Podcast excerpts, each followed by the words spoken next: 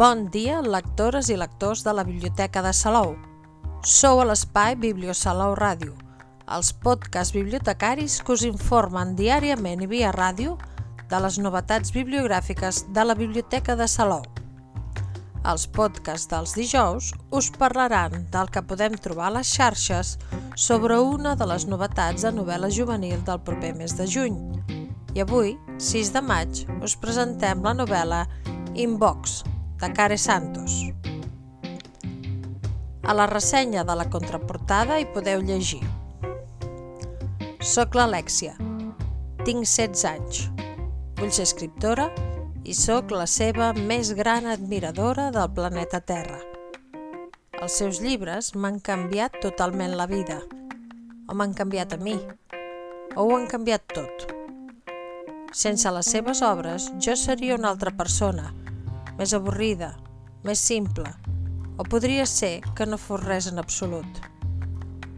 És a dir, vostè ha estat per a mi una persona realment, però realment influent, o alguna cosa així.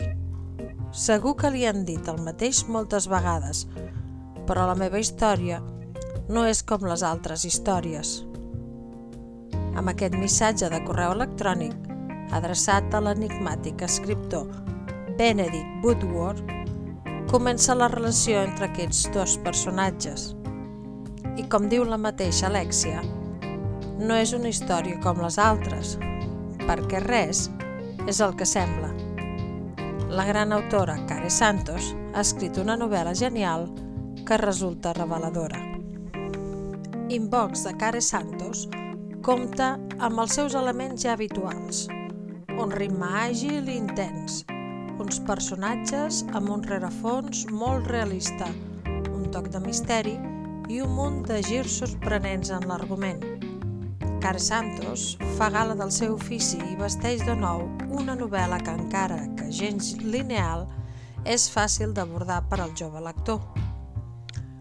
Poques satisfaccions es poden comparar amb l'alegria que experimenta Alexia, una jove aspirant escriptora, quan el seu escriptor preferit de literatura juvenil contesta als seus correus electrònics. Es tracta de Benedict Woodward, un escriptor al qual simplement desitja fer-li arribar tot allò de bo que li aporten els seus llibres.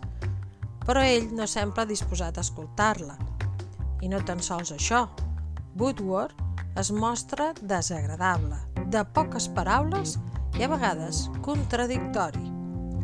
La jove no es dona per vençuda i insisteix fins que al final els seus correus es fan més imprescindibles per a ell que per a ella. Així, la relació entre els dos personatges s'anirà forjant al llarg d'un any sencer, entre correu i correu. De fet, els capítols són els correus electrònics, és a dir, que cada capítol és un nou missatge, amb extensions molt variades, d'entre dues i quatre pàgines. A més, s'agrupen pels mesos en què s'escriuen malgrat ser una novel·la epistolar, compta amb uns personatges molt definits. L'Alexia, una jove amb una personalitat clara, valenta i decidida, no ha tingut una vida gens fàcil.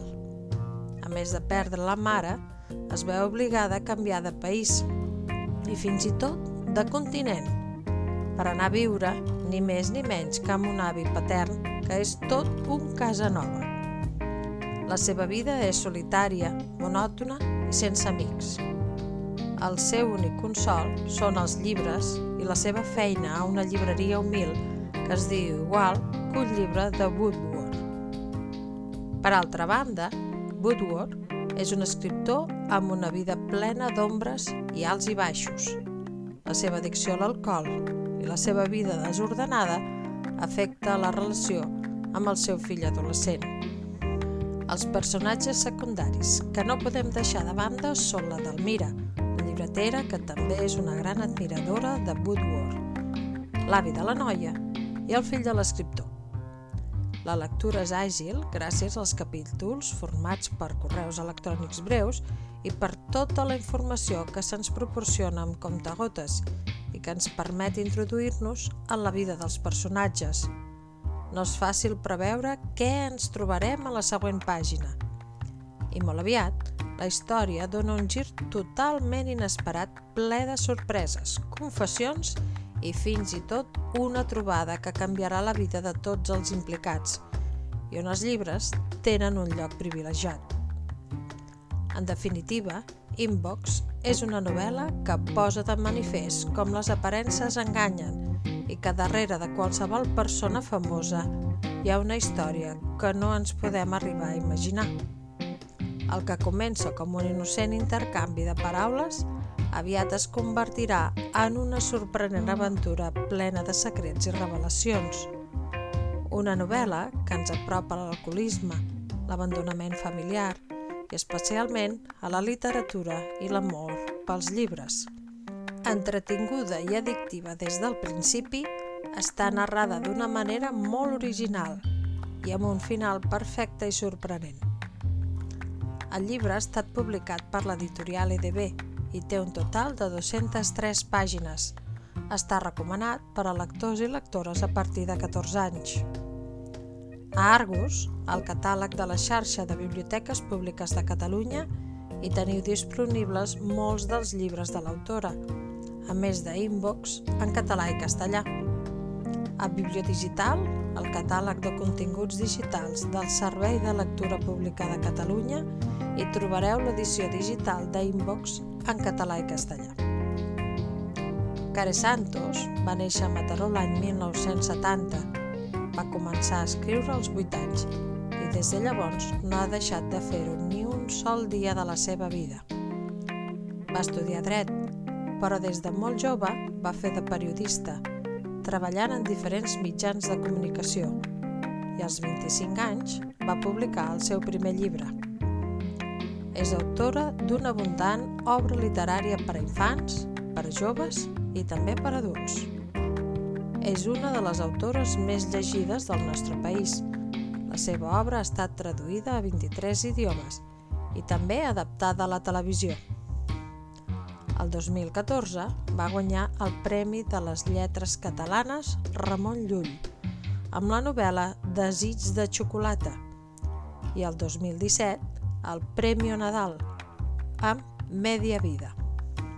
També ha obtingut importants guardons en el camp de la literatura per a joves. Col·labora habitualment amb el Periòdico de Catalunya i amb d'altres mitjans de comunicació i de tant en tant imparteix tallers literaris. L'hem buscat a les xarxes i Care Santos i és present amb una pàgina web www.caresantos.com També la podem trobar a Facebook arroba care.santos.com 9, a Twitter, arroba caresantos, i a Instagram, arroba care-santos. I fins aquí el podcast d'avui, però tenim més novetats de novel·la juvenil que anirem descobrint cada dijous. Que tingueu molt bon dia i molt bones lectures que us acompanyin en el dia a dia.